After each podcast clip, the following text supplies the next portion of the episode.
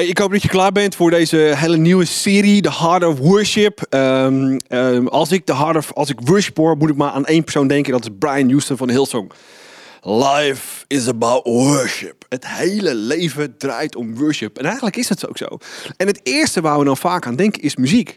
Maar aanbidding is niet muziek. Aanbidding is een levensstijl, is een attitude, is een houding.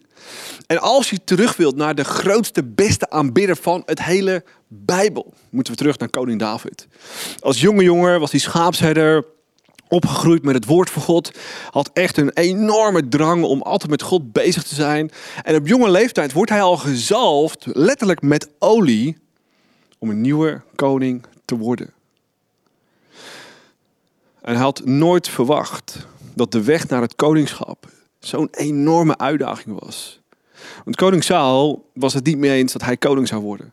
En koning Saul heeft hem tot in letterlijk in krochten en, en, en, en grotten achtervolgd met duizenden van zijn beste mensen. Om maar te voorkomen dat David koning zou worden. Het is een beetje het gevecht wat we nu zien in Amerika. Trump en Biden. Biden wordt niet uh, president. En al het gevecht wat daarin plaatsvindt. Dat eigenlijk precies het gevoel uh, wat wij nu meemaken, wat David destijds ook meemaakte. En hij heeft zoveel psalmen die we kunnen lezen in het Oude Testament zelf geschreven. Een hele eerste deel van de psalmen zijn allemaal klaagpsalmen. Hoe taf hij het heeft, hoe moeilijk het heeft. Waarin hij zijn vijanden het slechtste toewens. Maak ze dood, ik wil door hun bloed heen lopen. Zo verbitterd, zo heftig was zijn strijd samen met God. En ik hoop en ik denk dat we allemaal wel eens een strijd hebben meegemaakt in jouw en mijn leven. Waarin dingen niet vanzelfsprekend gaan. Waarin je misschien boos bent op jezelf. Boos bent op wat mensen jou aandoen. En als we daar God in betrekken, dat is echte aanbidding. Want als we in de strijd van ons leven, in onze moeilijkste, donkerste momenten, God betrekken, dat is aanbidding. Want aanbidding is niet meer en niet minder God alle eer te geven en het alleen van Hem te verwachten. En als we in dat soort donkere, heftige, uitdagende momenten meemaken in ons leven, die het leven uit je vandaan zuigen, die alles in je vandaan kapot maken en dichtpletteren. En we betrekken God en we verwachten het alleen van Hem. Dat raakt Gods hart. Niet als laatste Hem te betrekken, maar als eerste hem te betrekken. Dat raakt Gods hart. En dat is echte aanbidding. Als we als eerste God betrekken, als we als eerste van hem vervullen, als we het als eerste hem betrekken. In dat enorme gevecht. En misschien zit je in zo'n fase waarin je aan het vechten bent met jezelf, of vecht met de situatie, of vecht met een omstandigheid, of vecht misschien letterlijk wel met een persoon. Of je zit misschien in zo'n fase waarin je voelt dat er niet zo heel veel gebeurt in je relatie met God of in je leven waar je denkt van ja God, waar moet het heen? Of misschien zit je juist in de fase en je denkt amazing. Je voelt je top, je voelt je heel dicht met God en je voelt dat God je aan het zegen is van zegen en zegen en zegen. Het maakt niet zo heel veel uit in wat voor situatie je zit. Voor God is er altijd een volgende stap. Bij God is er altijd meer. Bij God valt altijd meer te verwachten als we te beginnen in wat voor situatie dan ook, als eerste Hem te betrekken. En te vragen, God, leid mij. Waar bent u? Verzorg mij. En dat is wat ik de afgelopen jaren ook gedaan heb in mijn leven. En ook echt serieus heb moeten leren. Twintig jaar geleden, ik was net jong in het geloven. dan denk je, oh, dat kan ik zelf, en dan kan ik zelf, en dan kan ik zelf. Woe, amazing kan ik zelf. En aan het eind van het lijntje, als het echt niet anders kan, betrek je God. En natuurlijk gaat God dan in actie komen. Maar waarom niet elke dag beginnen met God? Waarom niet als eerste het van Hem te verwachten? En precies dat is wat we de komende weken gaan doen. Opnieuw te gaan leren, wat is nou echte worship? Is dat muziek of is het totaal iets anders? Waar zou je moeten beginnen als je echt wilt worshipen? Waar moet je beginnen en wat moet je doen als je echt wilt ervaren wat God door je heen doen? Nou, vandaag gaan we stilstaan bij één woord. En de komende twee weken gaan we nog naar twee andere woorden kijken die ons helpen te snappen en te begrijpen wat echte worship is. En het worship woord van vandaag is yada. Yada betekent niet meer en niet minder handen loof, omhoog, en lovend en dankend omhoog doen. Handen lovend en dankend omhoog doen. Handen omhoog, lovend en dankend. Handen omhoog, lovend en dankend. Dat is wat Yada is. Dus misschien denk je, uh, misschien heb je wel eens meegemaakt. Je kwam ergens een kerk binnen en dan start de worship. Dan gaan gelijk al die handen omhoog. En je denkt, uh oh, ik ben in een charismatische kerk. Nou, ik, dat had ik vroeger ook. Dat je denkt, oké, ik wil op mijn Nederlands. En dat doen we toch een beetje ingetogen en serieus. En dan gaat de worship beginnen. Dan gaat al die handen. En je denkt, oh, oh, wat gebeurt hier? En je voelt jezelf misschien wel een beetje awkward. Nou, het heeft niet zo heel veel te maken dus met of een kerk charismatisch of niet. Het heeft alles te maken met, serieus, dit woord. Ja, da. Ja, dat betekent dus handen omhoog om God te aanbidden voor wie Hij is en wat Hij kan doen in jouw leven. Heeft dus niets te maken met het feit of een kerk charismatisch is of niet. Het heeft veel meer te maken met echte aanbidding en te snappen en te begrijpen wat een aanbiddingsstijl is. En een aanbiddingsstijl, Yara, is dus een aanbiddingsstijl. Een van de drie stijlen die we de komende weken gaan uh, bekijken. Nou, misschien denk je, uh, cool, uh, leuk of niet, whatever je ook bezig bent geweest. Maar dat is wat het is. Nou, ik weet niet wat voor aanbiddingsstijl jij hebt. Ik weet ook niet of je een echte aanbidder bent. Ik weet ook niet of je je handen omhoog doet. En misschien denk je van, nou ja, mijn handen omhoog vind ik een beetje gek. Ja, is een beetje charismatisch. Misschien is wel de stijl van deze kerk. Hij heeft dus niks met iets persoonlijks te maken. Hij heeft niet met de stijl van een kerk te maken. Hij heeft echt te maken met wie God zelf is. Jada, handen omhoog met een dankbaar en lovend hart. Om op datgene wat God is en wat Hij voor jou betekent ook echt mee te kunnen nemen en wat Hij deed. Het is een beetje alsof je in een oorlogssituatie zit. Uh, misschien heb je geen ofwel oorlogssituatie meegemaakt, maar ik denk dat we allemaal situaties hebben meegemaakt waarvan je denkt: Oei, ik sta nu met mijn rug tegen de muur. Ik kan niks anders dan. Ik geef mij over. En als kind hebben we dat misschien vaak gespeeld. Dat je elkaar uh, uh, bezig was en dat je oh, ik geef me over. en dat, dat is precies wat het is. En vaak als je ouder wordt, dan zit je in situaties waarin je aan het eind van het lijntje zelf, zelf, zelf, zelf, zelf, zelf, zelf, zelf alles regelt. En dan erachter komt.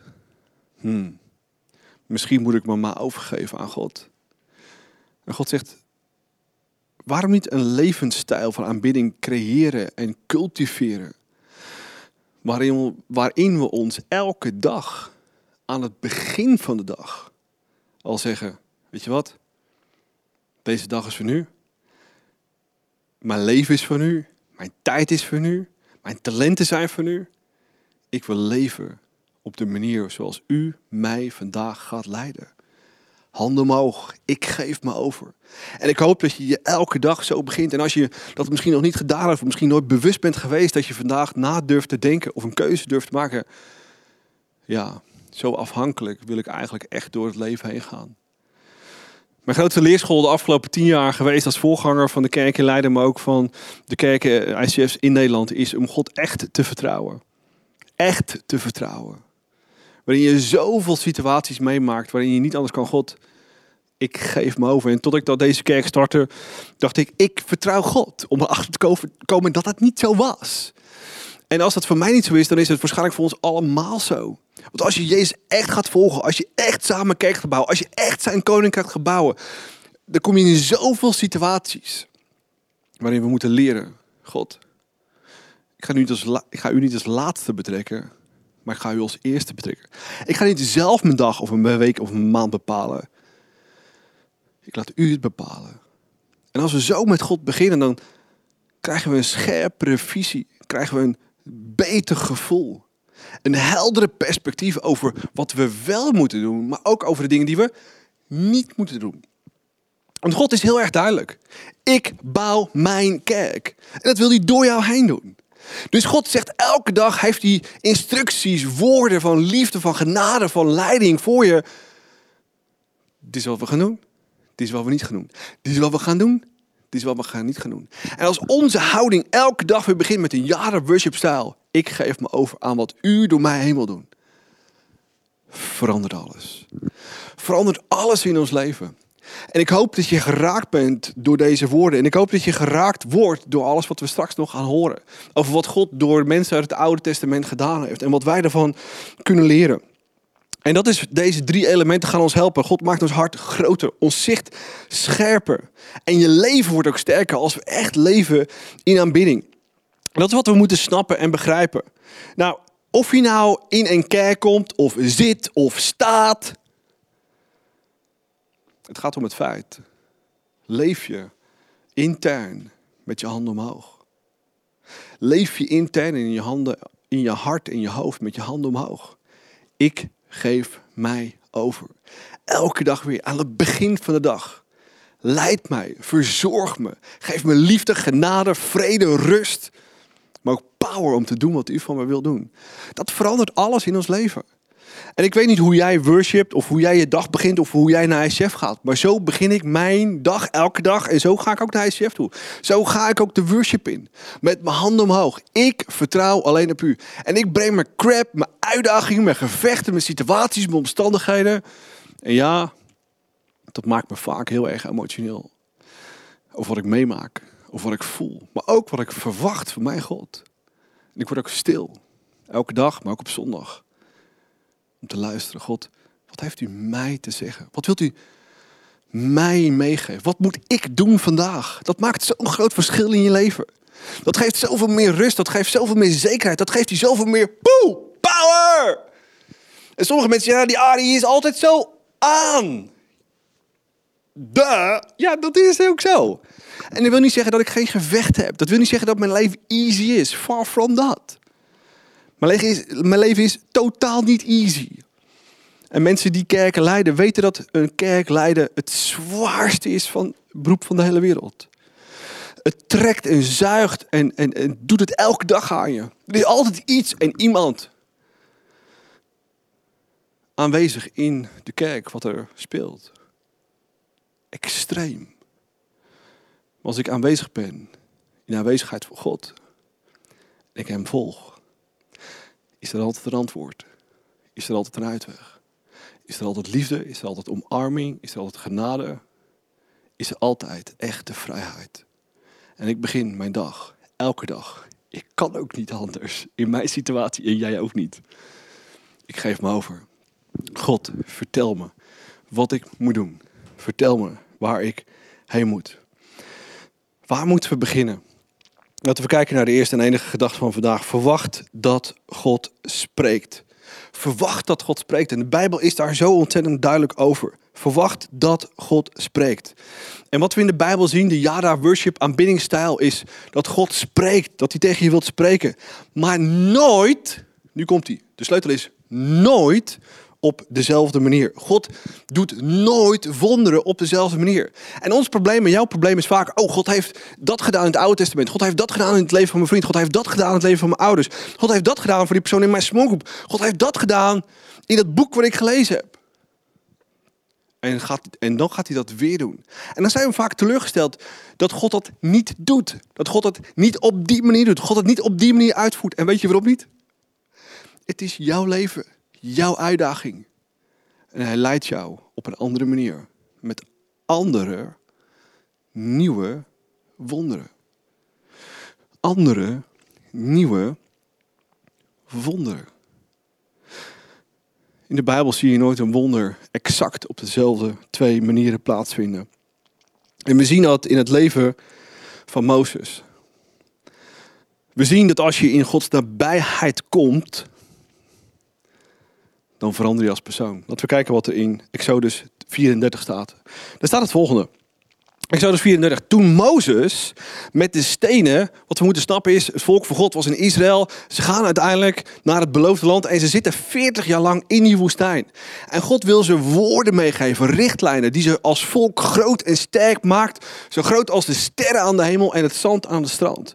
En we kennen het als de tien geboden, de tien richtlijnen, hoe je dat noemen. Toen Mozes met die stenen plakettes met de tien geboden erop in zijn armen van de berg afkwam, glansde zijn gezicht door de lange tijd die hij in de nabijheid van de Heer had doorgebracht. Dus dames, als je denkt aan botox, je kunt beter in de nabijheid van God komen, want dat geeft je echt een glow. Je hebt er ook geen Instagram filters voor nodig als glow of een beetje mooie make-up. Je hebt alleen maar Gods nabijheid voor nodig om echt anders eruit te gaan zien, anders te gaan stralen. Want dat is wat het is, want als je dichter bij God komt, kom je altijd in zijn nabijheid en dat verandert je intern. Dat geeft je rust, dat geeft je vrede, dat geeft je perspectief, dat geeft je een helder beeld waar je heen zou moeten gaan. De sleutel is dat God een wonder altijd op een andere manier doet. En de tweede sleutel is dat God het niet alleen altijd anders doet, maar dat je er ook voor moet kiezen. Ook al voel je Gods aanwezigheid niet. Om toch naar God toe te gaan in de ochtend, in je strijd, in je struggle, op zondag. Je voelt het niet, je ziet het niet, je wil het niet. Maar toch bepaalt jouw ziel. Ik verwacht alles van mijn God. Niet meer en niet minder. Dat is echte worship. En als het op dat moment in ons donkerste dal, met het niet willen, niet kunnen, niet whatever je ook tegenhoudt, toch naar God toe gaat, dan doet God een wonder. En dat zien we ook in het Oude Testament. Dat God, als we dicht bij hem blijven, wonderen doet. Maar we moeten goed blijven luisteren. In het leven van Mozes zien we precies hetzelfde. Ze zijn in het volk, met het volk Israël in de woestijn. En dan kan je je voorstellen dat er dagen zijn dat het zo heet is, zo heftig is. En op een goed moment was er geen water. En het volk klaagt en doet. En dit is onze fase. En ik wil het niet. En ik kon het niet. En al die mensen die kwamen in opstand tegen Mozes. En je kunt je voelen hoe hij zich voelde met die meer dan een miljoen mensen. Mozes, geef ons water. Wat doe je ons aan? Dit is naar mijn gezin, mijn kinderen, mijn baby. Heeft niet te drinken. Dat was Mozes' situatie. En wat doet Mozes? Natuurlijk gaat hij naar God toe. En God zegt, luister Mozes, dit is mijn volk, mijn mensen. Ik weet dat ze boos zijn. En ja, ze hadden eerder op mij moeten vertrouwen. Dat ik hun verzorger ben. Mozes, haal je beste leiders bij elkaar. Ga naar die rots. Neem je staf. En sla op de rots. En er zal water uitkomen. En dat er water uitkwam, dat was een no-brainer. Het gutste eruit. Niet een waterslangstraaltje, nee, stromen van water om die meer dan een miljoen mensen te voorzien van water. Zodat ze eten konden koken, zodat ze konden drinken, zodat ze in leven konden blijven. God voorziet altijd. Altijd, altijd, altijd. Altijd. Dit was een helder en duidelijke instructie. Jaren later staat het volk weer in zo'n situatie. En wat doen wij als mensen? We verwachten dat God op de exact dezelfde manier, met exact hetzelfde wonder, precies hetzelfde doet zoals wij gewend zijn. Wij mensen zitten zo vaak stak. En misschien zit je stak in je leven. Stak in een situatie. Omdat je hetzelfde verwacht wat God vorige week, vorig jaar, tien jaar, twintig jaar geleden gedaan heeft. Dat is religie, guys. Church, we moeten snappen dat dat religie is regeltjes, systemen. Altijd hetzelfde. Ja, God is altijd hetzelfde. Maar de manier waarop hij werkt is altijd fris en fruitig. Daarom zijn we als kerk altijd fris en fruitig. En ja, daarom zijn we als kerk altijd aan het veranderen. Omdat Gods geest altijd weer nieuw, vernieuwend, creatief is. En niet alleen in kerk, niet alleen in je smallgroep, niet alleen in je team, maar ook in je persoonlijk leven. Met name in je persoonlijk leven. Dat is waar de magic begint. Een kerk is alleen maar fris en fruitig. Jouw smallgroep is alleen maar fris en fruitig. Jouw team is alleen maar fris en fruitig. Als jouw geloof fris en fruitig is. Waarin je elke dag weer nieuw start. Ik geef mij over. Ik luister naar u. En dienaar, ik ben uw dienaar. Ik luister en doe wat u van me vraagt. Dan wordt God zo elke dag anders. Dan wordt je aanpak op je werk fris en fruitig. Dan wordt je aanpak voor je gezin fris en fruitig. Omdat je boven de situatie staat. Omdat je weet, jouw God heeft altijd een antwoord, altijd een uitweg. Dat geeft zoveel rust en vrijheid. Maar we zitten zo vaak stak. In het wonder van gisteren. In het wonder van vorige week. In het wonder van vorig jaar. Maar God wil elke dag nieuwe dingen doen. Nieuwe perspectieven, nieuwe oplossingen. Nieuwe liefde, nieuwe vrijheid, nieuwe vreugde. In en door jouw hart. Om nieuwe dingen te doen door jou heen. Wij als mensen vinden het zo moeilijk om het oude achter ons te laten. We zijn echte gewoontedieren. We houden van altijd hetzelfde. En als het altijd hetzelfde is, willen we altijd weer alles anders. Maar dat alles anders vinden we moeilijk en taf. En dat zien we ook in het verhaal van Mozes. Want jaren later zitten ze weer in een situatie. Er is te weinig water. Ze kunnen geen eten koken, ze kunnen niet drinken, ze kunnen hun baby's niet te eten geven. En God spreekt weer heel specifiek tot Mozes en het volk. Mozes, haal niet alleen je leiders, maar het hele volk bij elkaar. En spreek tot die rots. En Mozes dacht, easy. Uh, ja, heb ik al een keer meegemaakt. Sla op die rot, boom, en dan gaat het gebeuren. En Mozes die is een beetje vergeten om goed te luisteren naar God. En Mozes zei, God zei tegen Mozes, spreek tegen die rots. En hij hoorde, sla tegen die rots. Want we zitten vast in het, precies, oude van gisteren. En Mozes gaat naar die rots toe. En wat er door hem heen gaat, wat hij denkt, weet ik niet. Maar ik denk dat hij vastzit in zijn oude patroon. En wat doet hij? Hij slaat tegen die rot. En ja, ook op dat moment gutst het water aan alle kanten uit die rot vandaan. Wat het hele volk, meer dan een miljoen mensen, voorziet van water. God is niet het issue. God voorziet. Maar als je in de toekomst dingen wilt hebben die je graag wilt en wat God door je heen wil doen, moeten we beter luisteren. En er was een grote consequentie voor Mozes en Aaron. Dat ze niet luisterden.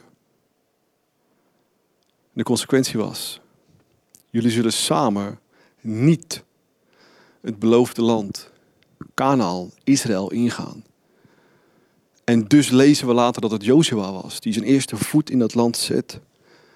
En exact doet wat God van hem vraagt. En misschien zit je in een periode waarin de droog is in je leven. Misschien zit je in een periode waarin je God niet ervaart. Grote kans dat we ergens een afslag hebben gemist. Zijn stemmen hebben gehoord, maar niet hebben gedaan wat hij van jou vraagt. En God gaat pas verder als je teruggaat naar dat moment, die afslag. Dit is wat ik van je gevraagd heb. Wil je teruggaan? Wil je je overgeven? Wil je doen wat ik van je gevraagd heb? Want ik hou van je. En dit is het beste voor je. Want ik ben God. Ik ben alwetend. En ik wil iets bijzonders en machtigs door je heen doen. Maar wil je jezelf overgeven? Elke dag weer. Yada, worship om te ervaren wat God door jou heen wil doen. Dat zijn zulke krachtige en soms ook pijnlijke momenten die ik ook vaak in mijn leven heb meegemaakt. Maar je moet terug naar dat moment. Je moet terug naar wat daar gebeurd is. En we lezen dit hele verhaal in Jezaja. Dat God nieuwe wonderen wil doen in jou en mijn leven. Jezaja zegt het volgende, Jezaja 43. Dit zegt de Heer. Vroeger, vroeger Vroeger heb ik een weg door de zee gemaakt voor het volk Israël en een pad door het wilde water. Maar denk nu niet meer aan dat ik vroeger heb gedaan. Vroeger was vroeger. Let op, ik ga nieuwe dingen doen. Nu ga ik die beginnen. Let goed op. Let goed op. Let goed op. Ik zal een weg maken in de woestijn. Ik zal rivieren maken in de wildernis. Dat is wat God wil doen. Niet alleen voor het volk van God, maar ook voor jou en mij, voor jou en mij, voor jou en mij. God is en blijft niet dezelfde. Hij wil elke dag nieuwe dingen voor jou en mij doen. Elke dingen voor jou en mij doen. Elke dingen, dag nieuwe dingen voor jou en mij doen. En waarom wil je dat doen? Om een beetje te snappen waarom dat zo werkt, moeten we terug naar de tabernakel en de tempel. Jezus stierf aan het kruis.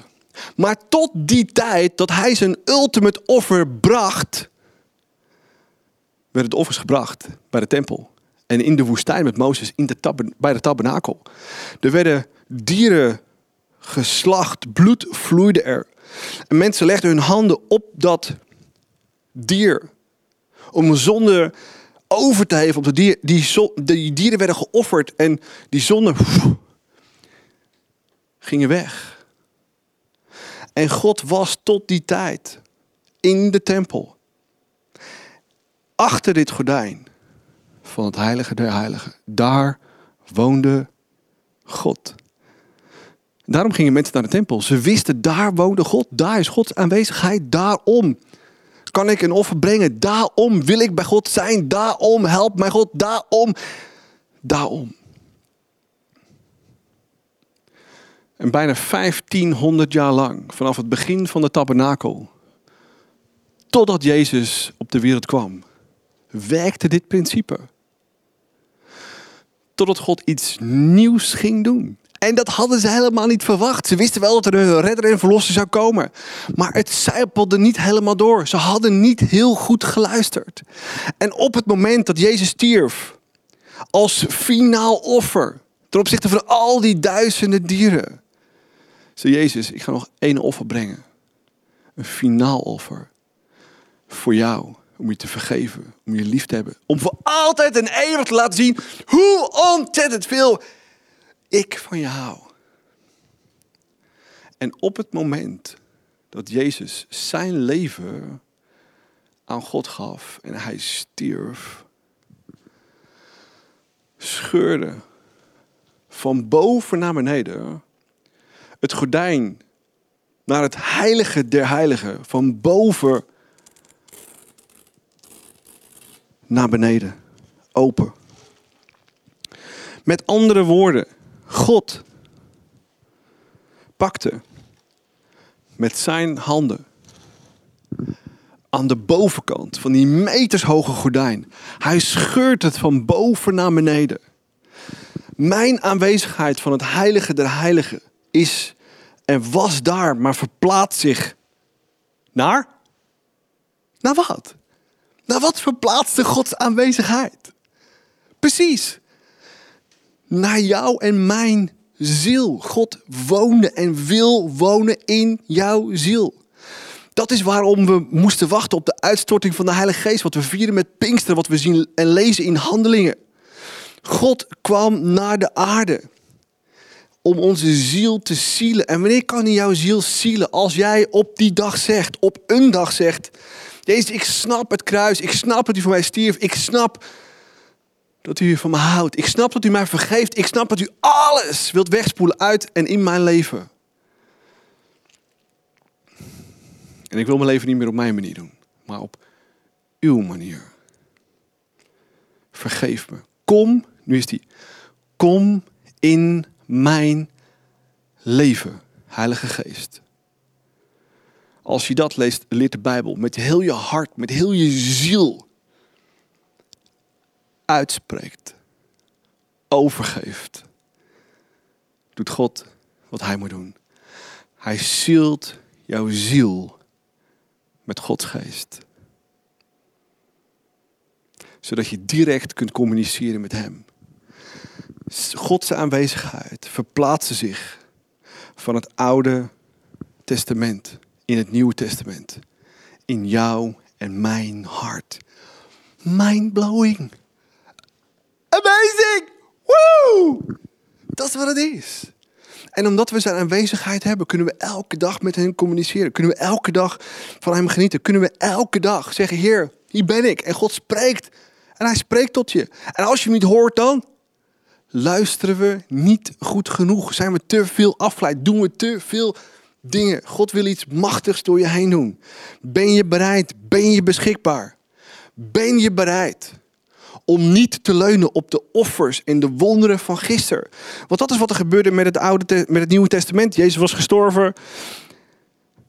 En de fariseërs en de schriftgeleerden gingen naar de tempel. Goh, ja, gek. Het, het, ja, zo gek. Ja, er is iets gebeurd in de tempel. Gescheurd, heel gek. Ze hadden niet door wat God aan het doen was. En ze repareerden het gordijn En ze gingen weer verder. op de manier van gisteren. Op de manier van gisteren. Dit is God. Dit is wat hij doen is. En ik heb even niet door dat God gesproken heeft met een luidspreker. Zijn eigen zoon is gestorven aan een kruis. Ik hou van jou. En ik wil in jouw leven en elke dag een nieuw wonder doen. Ben je bereid om je hand omhoog te doen? Ben je bereid om jezelf elke dag weer over te geven? Ben je bereid om te luisteren naar God en, daar te gaan waar Hij je wil hebben? Ben je bereid om elke dag die wonderen te ervaren? Ben je bereid te genieten van wat God door je heen wil doen? We gaan zo luisteren naar twee fantastische worshippers met een fantastisch worship song. Met het nummer Niemand Groter. We hebben dit vertaald in het Nederlands. Een tijd geleden. Dit nummer raakt mij enorm. Niemand groter dan God. En soms voelen wij ons klein en ja, vergeleken met God zijn we klein.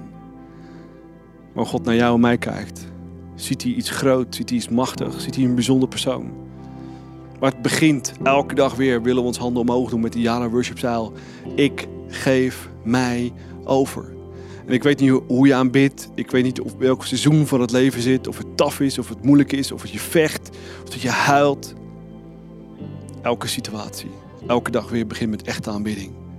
Met die Yada worship style. Ik geef mij over.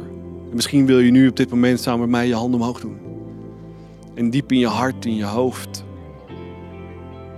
Tegen God zeg ik geef mij over, want u bent groter dan wat dan ook. We onze handen omhoog doen en worshipen niemand groter dan God. Niemand sterker dan u, God. Dat is wat echte aanbidding is in wat voor seizoen van je leven jij ook zit.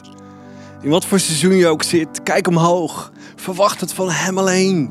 Wees stil. Misschien met emoties, met totale vroegende gevoelens over wat jij dan ook meemaakt. Of juist positief meemaakt.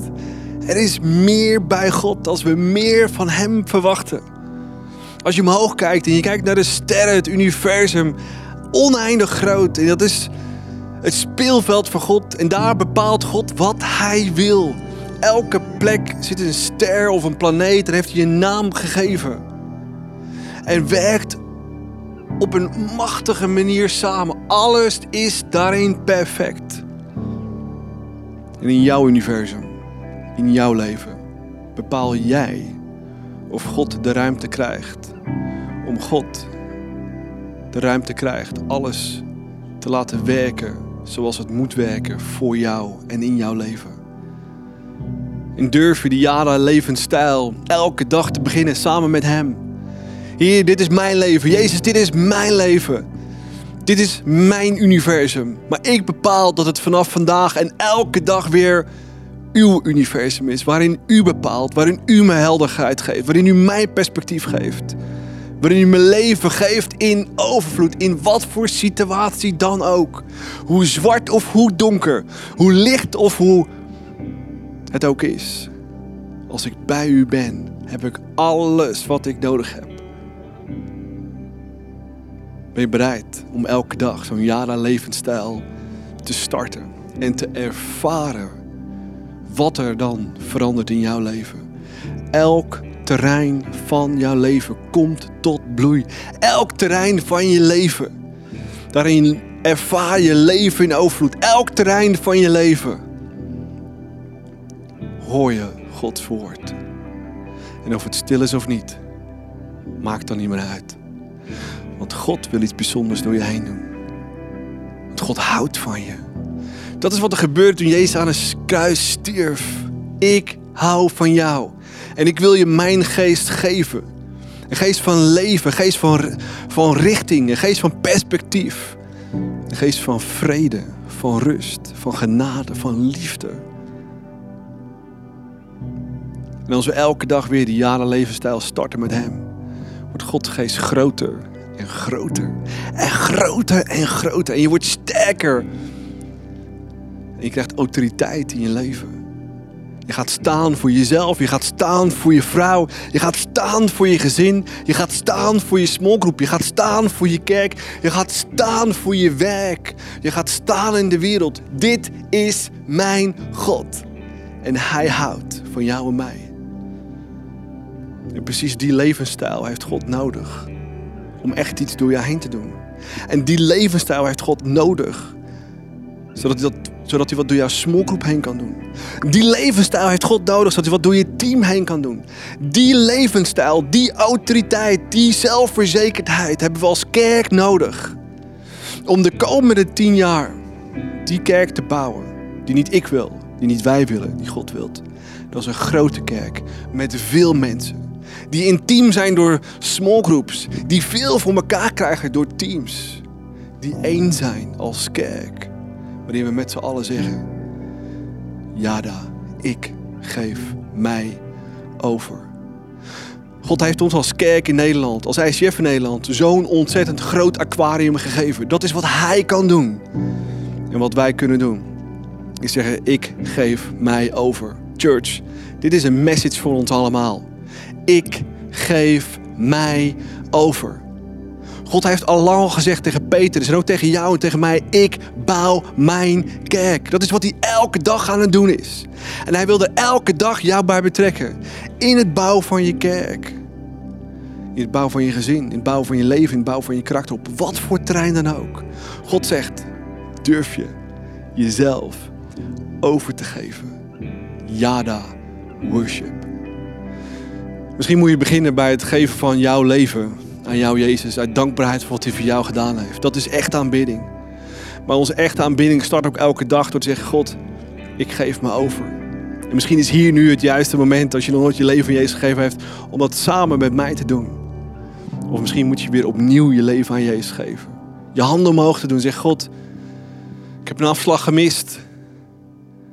Maar ik kan altijd terug, want u houdt van me. Ik kan altijd bij u thuis komen, want u houdt van me. Laten we samen God zoeken. En ons leven aan Hem geven. Jezus, dank u wel voor wie u bent. Dank u wel dat u ons stier van de kruis. Dank u wel dat vanaf het moment dat u uw leven gaf, dat het voorhangsel naar het heilige de heilige, waar uw aanwezigheid was, gescheurd werd. Om aan te geven dat uw aanwezigheid daar passé was. Verleden tijd, vroeger. En dat u vandaag nieuwe dingen wil doen. Dank u wel dat u vandaag van me houdt. Dank u wel dat u hier bent. Dank u wel dat u mij wilt omarmen met uw liefde, met uw vergeving. Zodat ik het oude letterlijk achter me kan laten. Alle crap, alle ellende. En dat u opnieuw mij wonderen kan doen in mijn leven. Maar als eerste wil ik het grootste wonder uit de geschiedenis accepteren als één groot cadeau. Uw vergeving, dat u van mij houdt. Tot het diepst van mijn viel, ziel, alles wat ik ben. U houdt van mij. Hoe groot is dat? Ik krijg daar kippenvel van. Ik moet daarvan huilen. Zo groot is uw liefde. Ik kan het niet snappen en begrijpen, maar u omarmt mij op dit moment voor wie ik ben en accepteert mij voor de volledige duizend procent. Dat is Gods liefde. Dat is het beeld aan het kruis voor jou en mijn leven. Dat is waar het allemaal begint maar niet stopt. U wil verder met ons.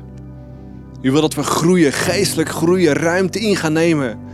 Wonderen met u gaan ervaren als persoon, als gezin, als smoek, als team, als kerk.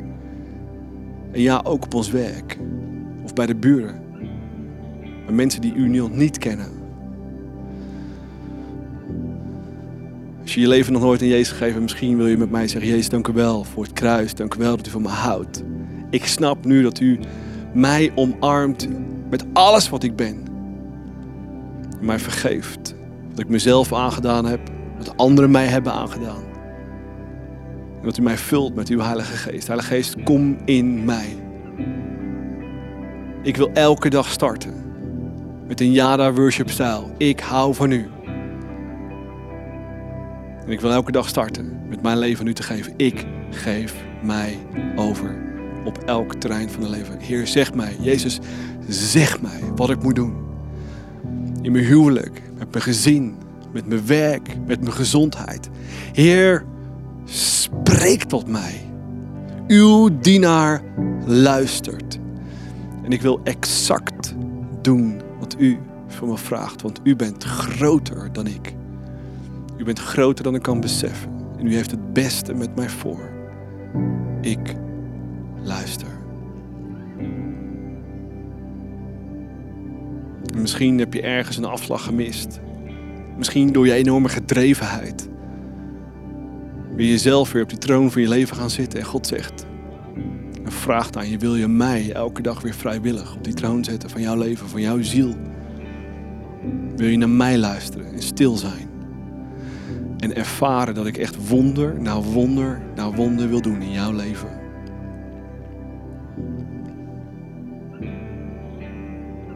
Vraag is of we de moed hebben om elke dag weer u boven alles te zetten, naar u te luisteren. En het moeilijkste te doen, te doen wat u van ons vraagt. Dat is echt de nederigheid. Dat is echt de aanbidding. Ik geef mij over. Misschien is dit weer het juiste moment om tegen God te zeggen: God, ik probeer het elke keer zelf. Ik probeer elke keer te leunen op oude wonderen. Maar u wilt elke dag nieuwe dingen om mij doen. En het begint dat ik u weer bovenaan zet. Bovenaan mijn leven, bovenaan mijn huwelijk, bovenaan mijn financiën, bovenaan mijn talenten, bovenaan mijn gezin, bovenaan alles in deze wereld. Ik kan niet meer. Ik heb u nodig. Ik geef mij over. En ik wil me elke dag blijven overgeven. Omdat u van me houdt en dat u wonderen door mij heen wil doen.